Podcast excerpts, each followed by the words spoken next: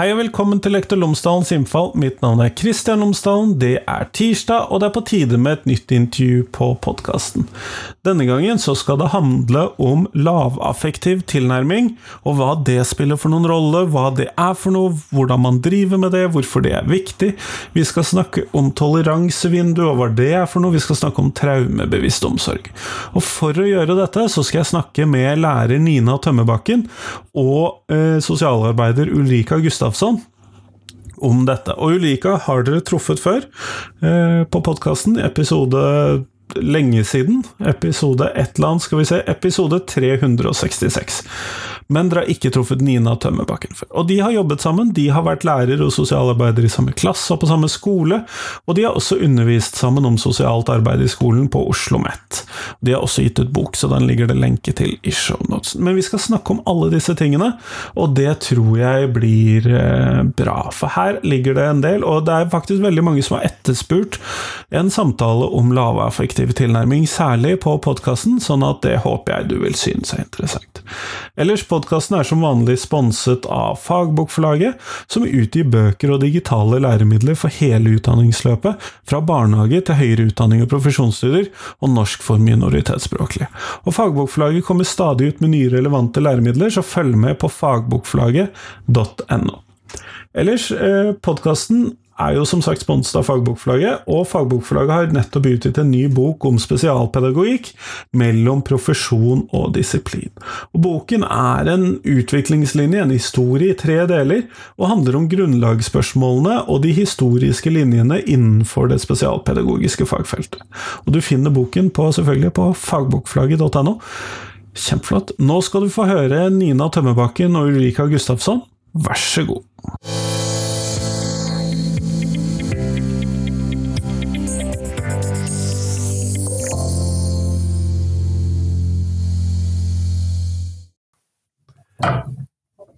Nina Tømmerbakken og Ulrika Gustavsson, tusen takk for at dere har tatt dere tid til meg i dag.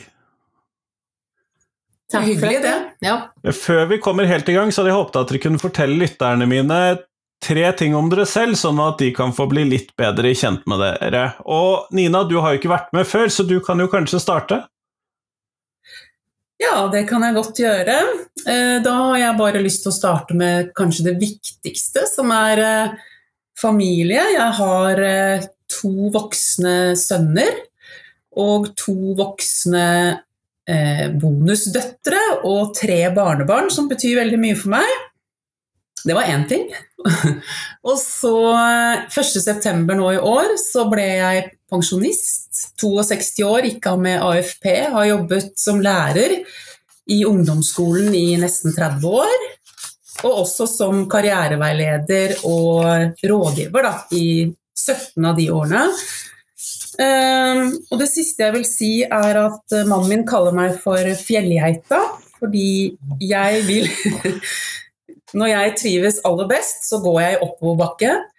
Og gjerne lange turer oppover, og helst i fjellet. Det var meg. Det høres veldig bra ut. Tusen takk, Nina. Da har vi deg, Ulrikke. Ja, jeg skal være litt kortere nå enn jeg var sist. Jeg er tror jeg, en aktiv pensjonist. Jeg jobber ganske mye, mer enn jeg kanskje burde. Jeg er en aktiv farmor. Jeg har to barnebarn. Og jeg er veldig glad i naturen og relativt aktiv. Det var meg. Kjempeflott. Og i dag så har vi bestemt oss for at vi skal starte med hvorfor det er så viktig med en sosialarbeider i skolen. Og da eh, Hvem av dere har lyst til å åpne ballet på det spørsmålet? Kanskje det er naturlig at jeg starter med det, Ulrika? Ja, det ja. syns jeg du skal gjøre. Rett fra Fordi, ungdomsskolen. Ja, for jeg har jo vært så heldig at eh, alle de årene som jeg har jobbet som lærer i ungdomsskolen, så har jeg hatt en sosialarbeider ved min side. Altså da hun som sitter ved siden av meg nå også. Eh, det har betydd mye for meg. Altså, vi vet jo at eh, alle barn jo, skal jo gjennom skolen. Så der møter vi jo barn med veldig ulike relasjons- og tilknytningserfaringer noen barn vokser opp i trygge hjem og med gode rammer, eh, mens andre barn igjen har, ut, har opplevd forskjellige ja, traumer. Så de årene som jeg har jobbet i ungdomsskolen, så har jeg jo møtt veldig mange elever, og også mange elever eh, som har hatt eh, forskjellige typer utfordrende atferd. Det kan være både utagerende eller inagerende. Eh, og det er i de, altså arbeidet rundt de elevene som jeg har sett at jeg har trengt en annen kunnskap enn det jeg har fått gjennom min utdanning og erfar utdanning som lærer, og også erfaringen gjennom arbeidet som lærer. Så det har vært veldig viktig for meg. Jeg har lyst til å starte med å si det. Ja. Dette er jo veldig gode grunner til hvorfor uh, dette kan absolutt være viktig. Hvordan har det vært uh, Du har vært uh, Nina sin miljøarbeider ute i skolen, eller sosialarbeider ute i skolen, Ulrika. Forsto jeg det riktig da? Ja. Så gøy! ja, altså. Det har du forstått riktig. Ja. ja, vi har jobbet på samme skole. Jeg har jobbet der 32 år, og du Nina har jobbet der 27 var det vel til sammen? Ja. Men jeg kan jo si det at Nina visste ikke helt hva jeg gjorde de første årene, så det kunne jeg tenke meg at du sa litt om, Nina, det, hvordan du oppdaga sosionomen. Ja, det kan jeg godt gjøre, fordi eh, det var første året jeg var kontaktlærer. Jeg var faktisk så heldig at jeg slapp å være kontaktlærer de aller første to årene, tror jeg det var. Og så skulle jeg være kontaktlærer for min første klasse, altså åttende klasse. Eh, og da møtte jeg jo virkeligheten.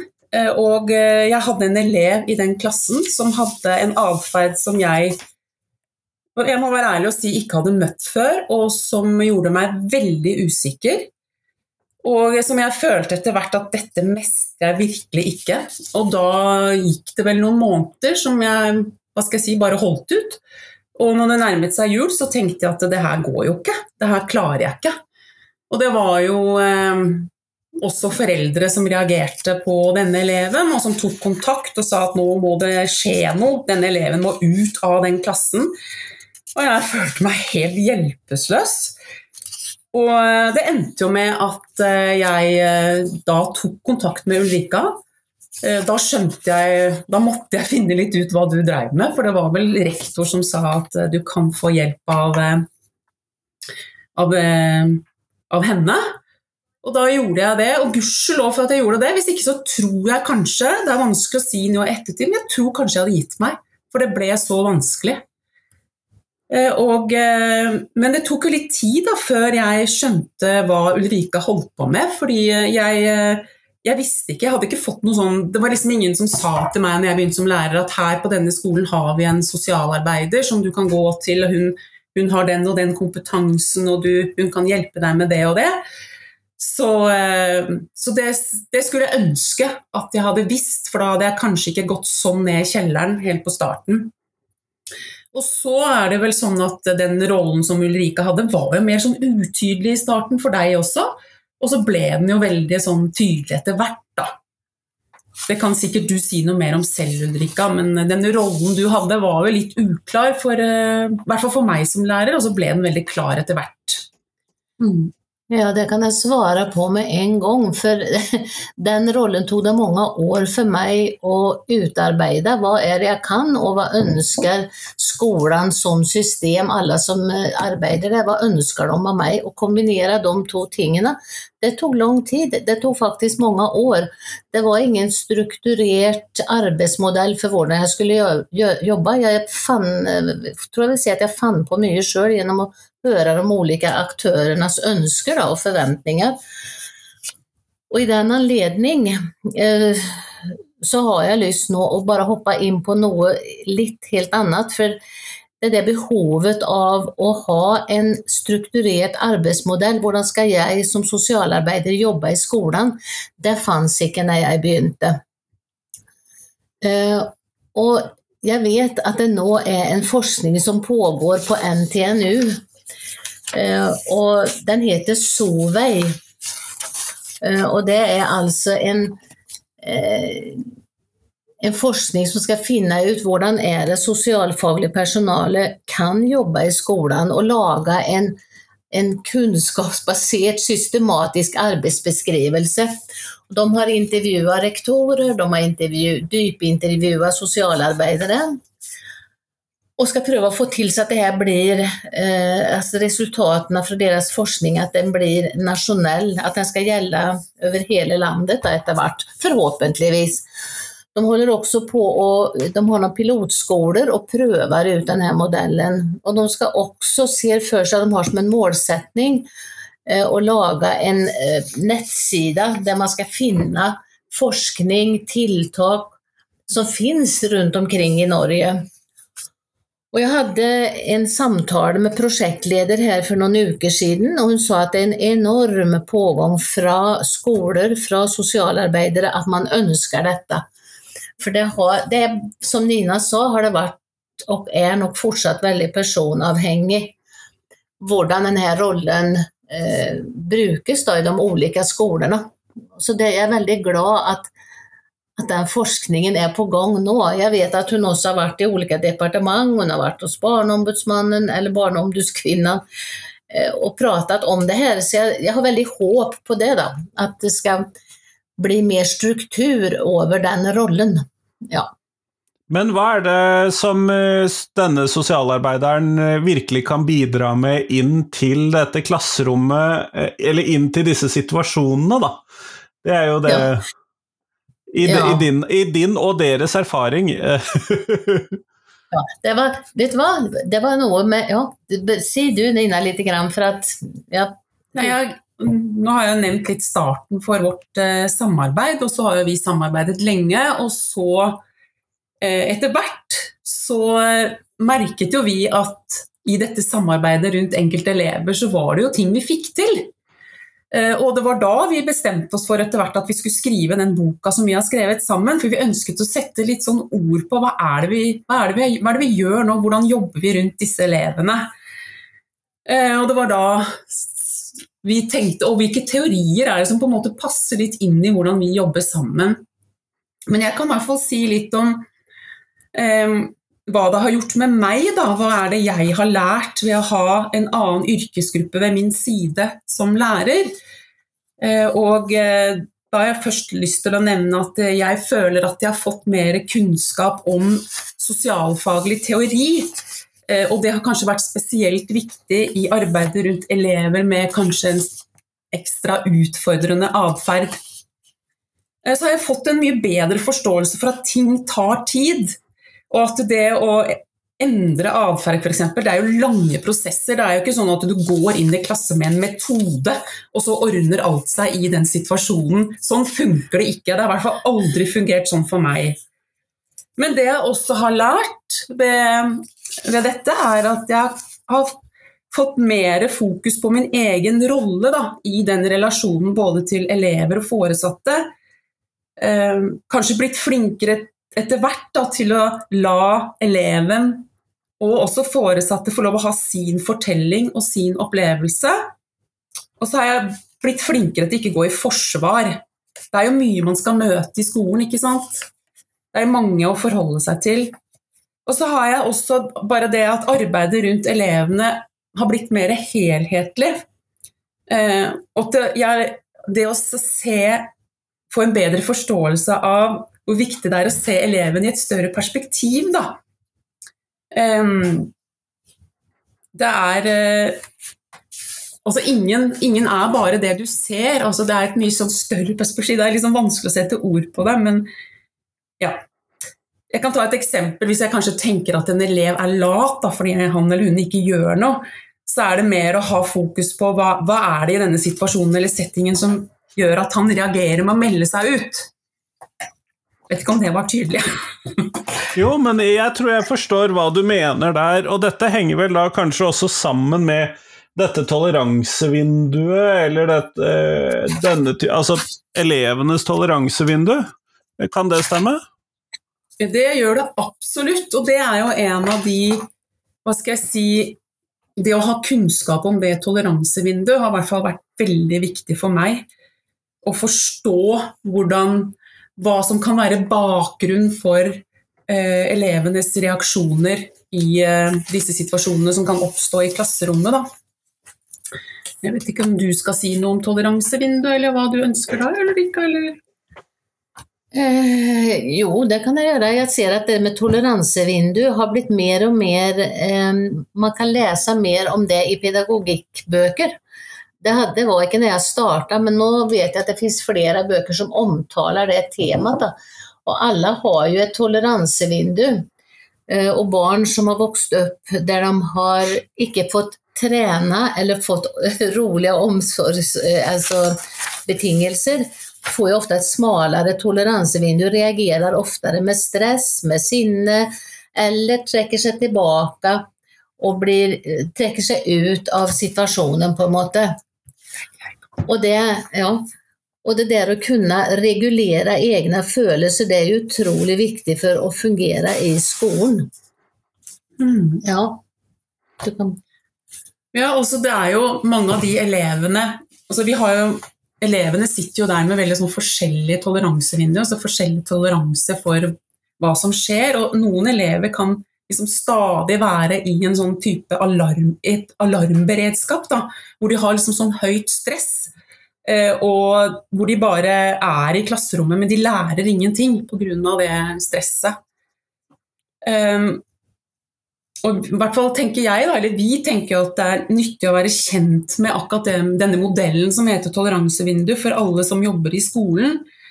For det kan jo kanskje hjelpe læreren noe til å forstå elevens uro, eller om de er tilbaketrukket.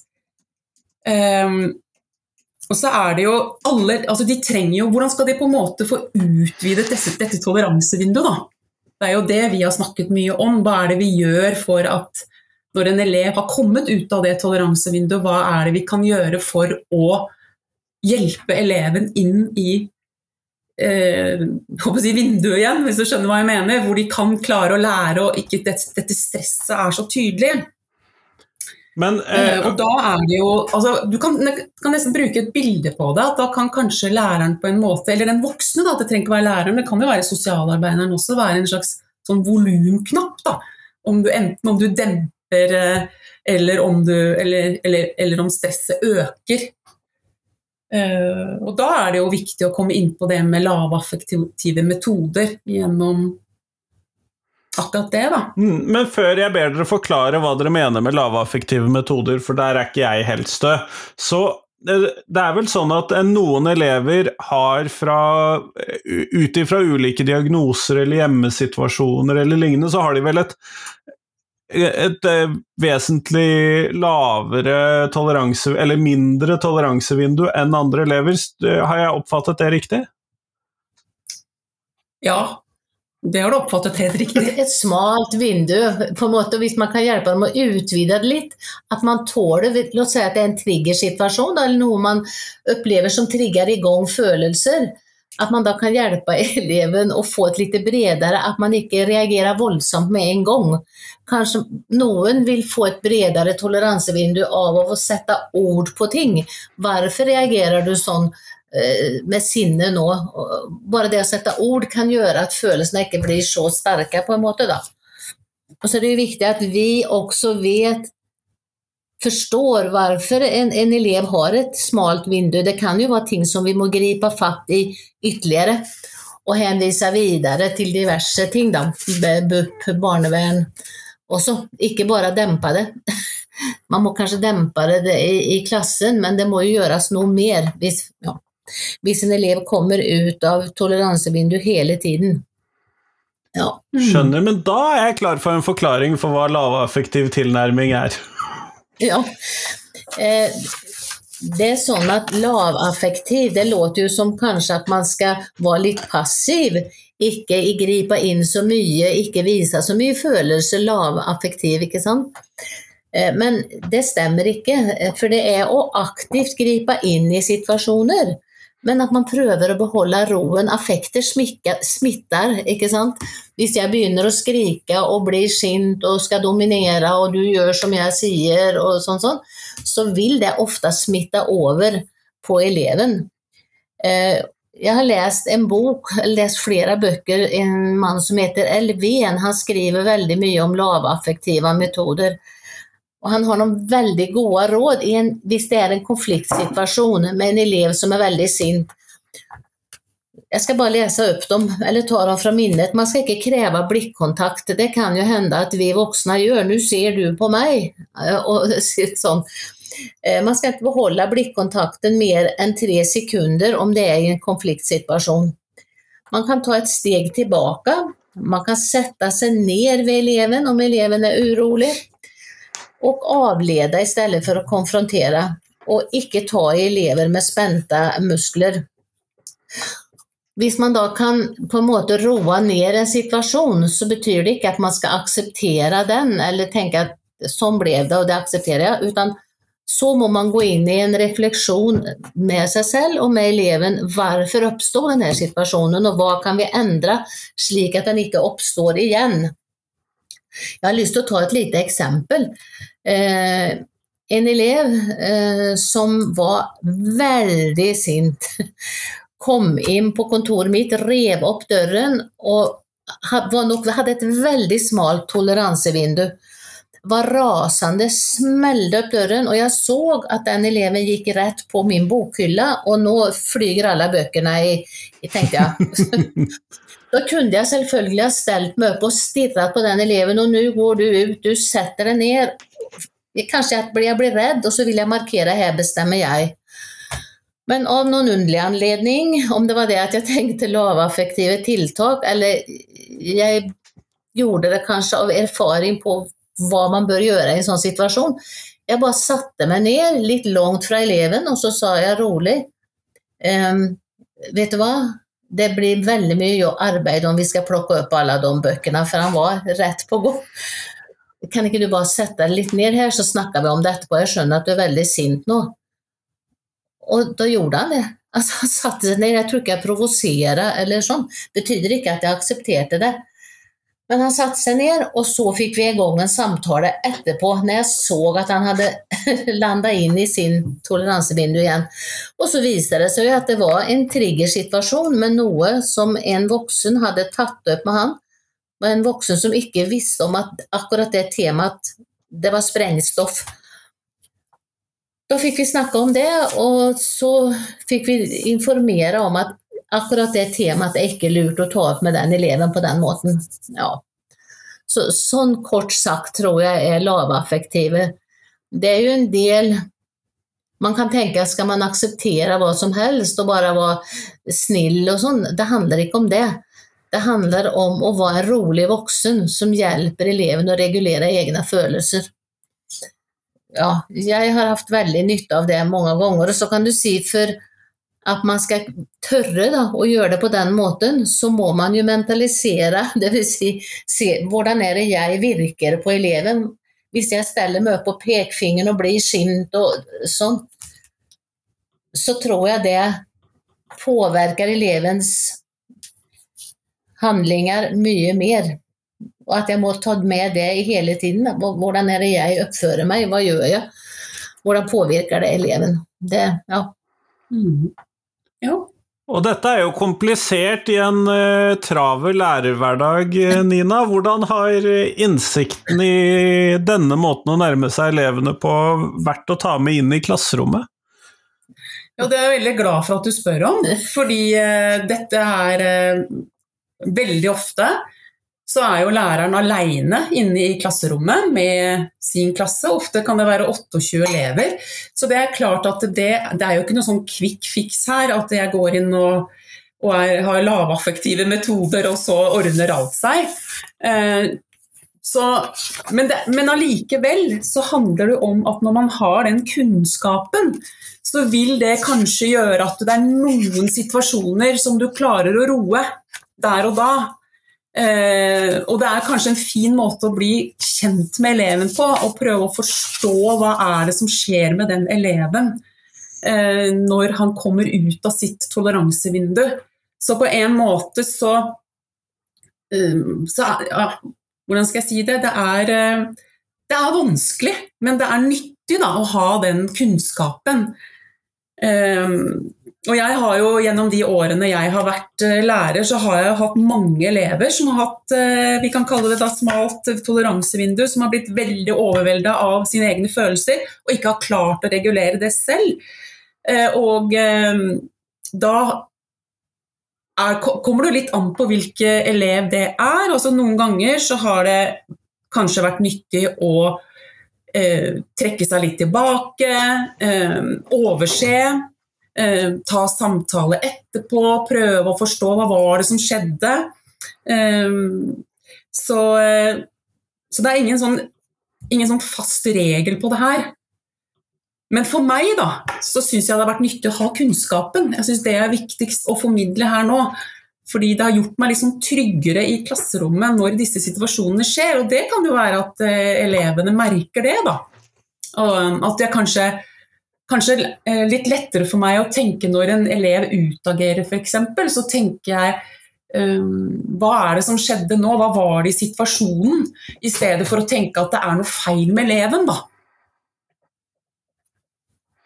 Nettopp, nettopp. Og det gir jo et rom for at man selv i hvert fall har noen lag man ikke som ikke står i veien da, for å håndtere eleven mm. på en god måte. Ja, riktig. Ja, Godt uttrykt. Ja. Det var faktisk veldig bra uttrykt. Fordi eh, ja, jo, det... det, er nemlig, det er nemlig litt så vanskelig å sette ordentlig ord på det her, syns jeg. Hmm. Jo, men det er jo noen ganger når man eh, Enten det er en av ens egne unger, eller det er disse elevene der, og så det eneste du sitter igjen med i det møtet, er den irritasjonen over hvorfor kan de ikke oppføre seg ordentlig, da, for pokker. Mm. Ja, ikke sant. Og det har jo alle, jeg er sikker på alle som jobber i skolen og er i klasserommet, tenker jo det innimellom. Jeg har gjort det masse, jeg i hvert fall. Jeg også, uten tvil. Ja. Mine elever har vært større enn dine, men likevel. Ja, likevel, ja. Så det er jo viktig å ha. Jeg, jeg tenker at den eh, den lærerrollen er så komplisert i dag, tenker jeg. Og jeg er ganske har veldig respekt for alle de lærerne som står rundt i klasserommet på scenen hver dag, og som skal eh, forholde seg til, til alt som skjer i skolen, alle elevene, og hvordan de har det hjemme. og i hvert fall var det min opplevelse at det er flere elever som sliter med psykiske ting.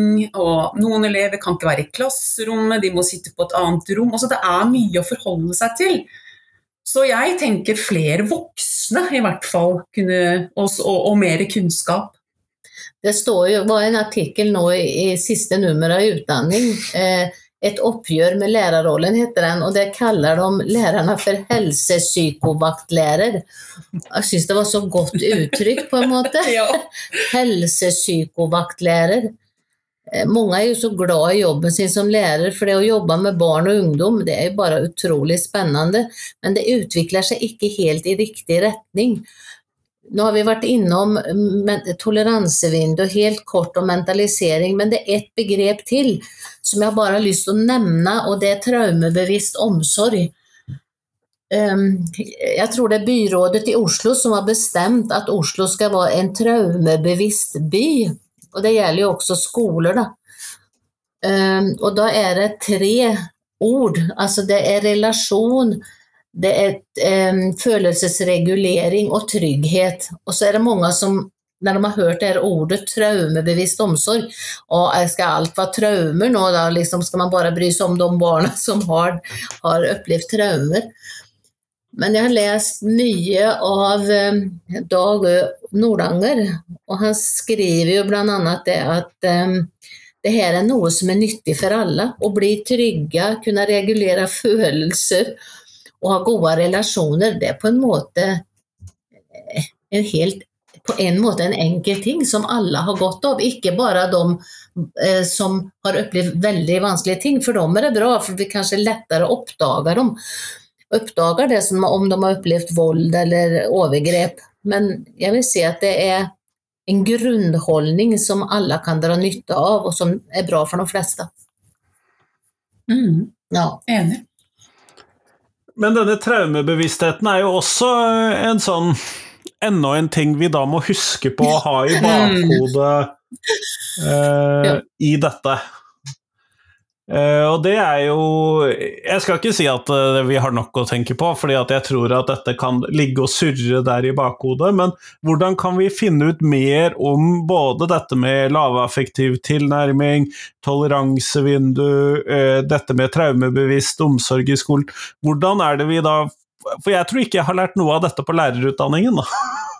Nei, nei, vet du hva, jeg får lyst til å bare si det. Nina og jeg var og underviste på lærerskolen, det er noen år siden nå, så jeg tror nok det har forandret seg. Men da drev vi med det toleransevind og mentalisering og lavaffektive tiltak. Og det var veldig mange som var glade over å høre om de tingene. Men jeg tror nok at det har kommet mer inn, for jeg har sett en tendens til at som sagt var at det fins mer i bøker som jeg tror de bruker som pensum. Mm. Så det må jo bare sakte inn, og det er jo ikke sånn um, Jeg tror jeg kan snakke både for Nina og meg. Det er ikke det at man lærer seg den og den og den teorien, og så gjør man det.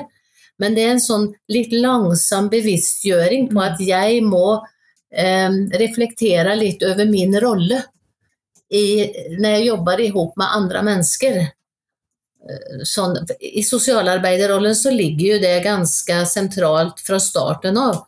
At vi må reflektere over vår egen måte. Hvordan skaper vi relasjoner? Hvorfor reagerer mennesker sånn og sånn når de møter meg? Og det er jo noe som vi kan ta med inn i skolen, da, kan du si jeg, jeg, jeg, hadde en del undervisning om toleransevindu i skolen, og jeg sakte, men sikkert, så det ikke blir sånn at det her blir ytterligere enn noe som mm. lærerne må gjøre. For det tror jeg kanskje ikke ville være riktig. Ja, Det er jeg veldig enig i at det ikke er riktig. Nei. Jeg tenker De føler nok at de har nok, ja. og så blir det en ny ting som, skal, som de skal belastes med. Mm. Men man kan samarbeide, man kan sosialarbeidere eller miljøterapeuter kan bidra med mye også inn i klasser. Man kan være to, man kan få støtte hverandre.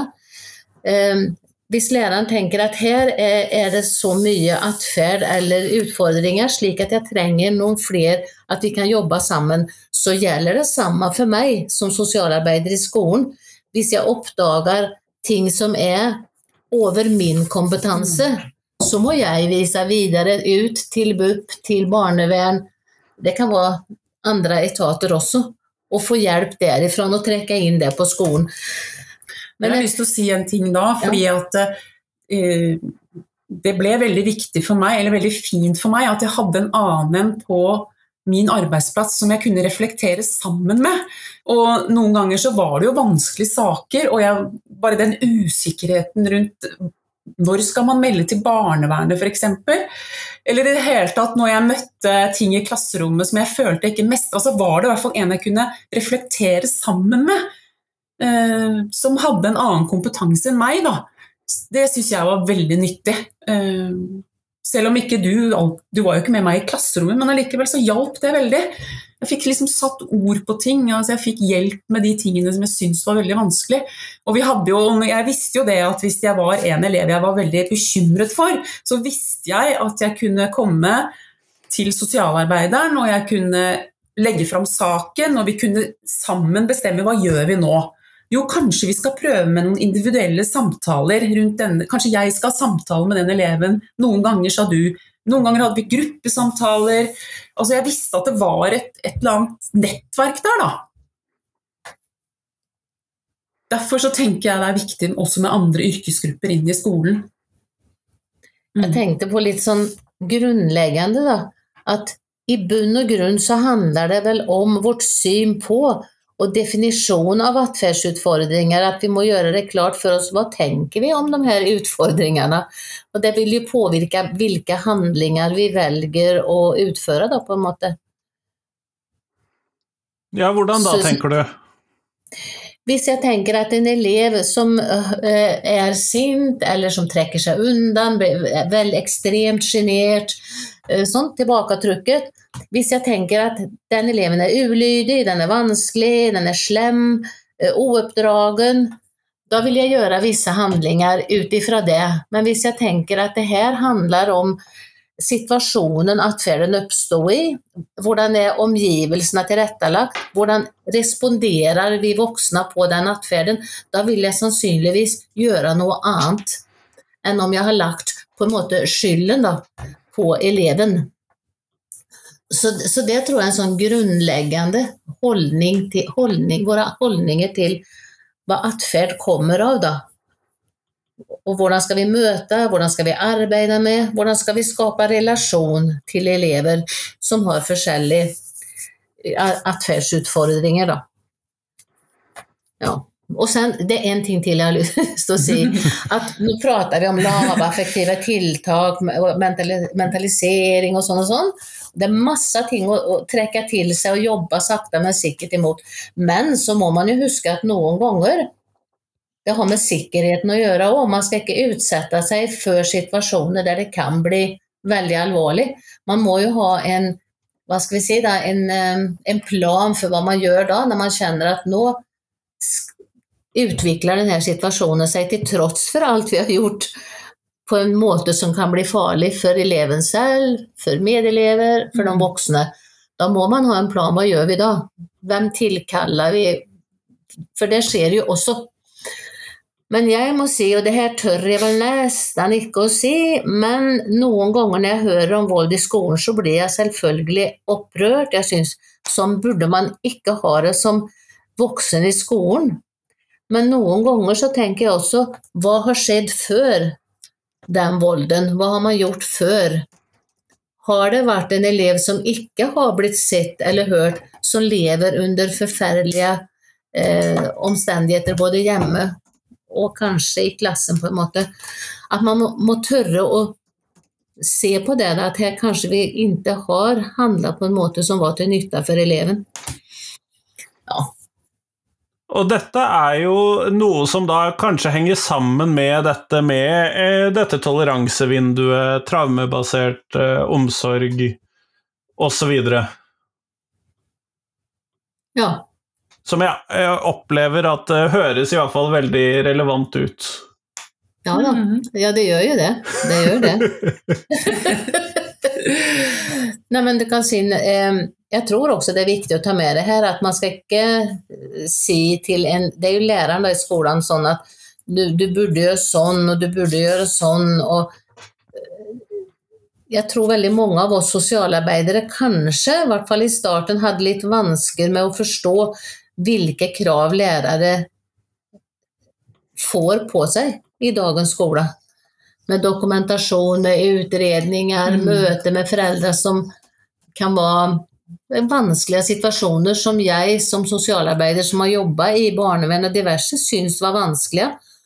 Eh, og hvordan gjør man da som lærer som ikke har eh, erfaringer kanskje, eller kunnskaper om den slags situasjoner. Og det, ja, det må man på en måte huske, da. Mm. Mm. Nei, men flott. Eh, vi går mot slutten av dette intervjuet, og da skal jeg stille dere det spørsmålet som jeg stiller til alle jeg intervjuer for tiden. Og det er hvilken lærer har gjort størst inntrykk på deg, og hvorfor det? Og da kan vi jo kanskje starte med deg, Ulrika?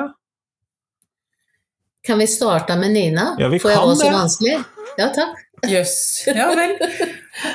Eh, jeg, eh, da vil jeg nevne en lærer eh, Jeg hadde en fransklærer på videregående.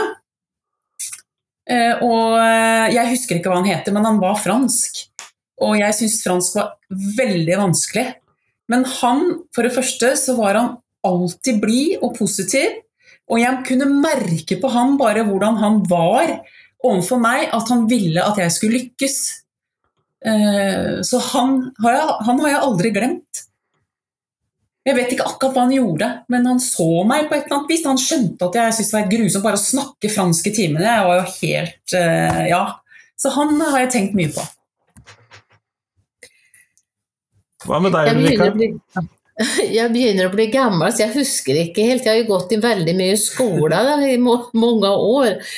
Eh, og jeg har alltid likt skole. Jeg er sånn skole, har sikkert vært en sånn skoleflink jente, da, tror jeg. Jeg likte alle lærere.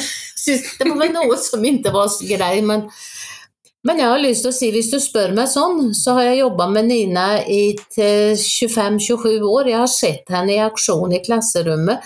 Jeg har sett henne med foreldre og med elever. og hun har nok imponert meg veldig mye på det å klare å stå i den situasjonen som er vanskelig, og gjennom kunnskap og klokskap jeg vil få det til på en eller annen måte. Det har imponert meg. da. Det er det som Ja, tror jeg må si det sånn. Det, det syns til og med jeg var rørende, Ulrika. Men kjempeflott! Tusen takk for at dere tok, tusen takk for at dere tok dere tid til meg i dag. Bare hyggelig. Ha det bra. Ha det.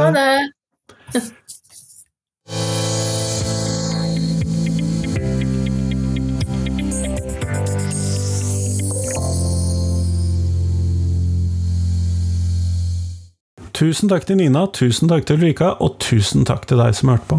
Nå er det blitt 2024, vi nærmer oss utgangen av den første måneden, du har satt karakterer, dette er bra, vi er i gang med et nytt semester. Dette gleder vi oss over. Send meg tips til hva du ønsker at Lektor Lomsdalens innfall skal handle om det neste halve året, neste året, i det hele tatt. Jeg prøver å få til de fleste ting jeg blir spurt om på podkasten. Noen ganger så tar det to dager, og så får vi det i boks. Andre ganger så tar det to år. Men jeg prøver å få til de tingene du sender meg tips om. Så noen ganger så lykkes vi ikke, men eh, stort sett så får jeg til å få med de meste av temaet på podkasten. Og det er jo det som er så utrolig spennende med norsk skole. Den store, nesten uendelige bredden på alle de tingene som man kan ta opp uh, innenfor temaet norsk skole. For her skjer det så mye, det er så mye, og skolen er så mye for så mange, at her er det nok av temaer å snakke om. Man trenger nesten ikke å tenke det ut engang for at man skal kunne finne nye temaer. Men jeg trenger tips, fordi at min personlige, egenartede kreativitet på dette området, vel, den er begrenset til de problemstillingene jeg får vite om, så nå må du fortelle meg hva du vil høre om på podkasten. Men nå får du ha en fin uke. Hei, hei!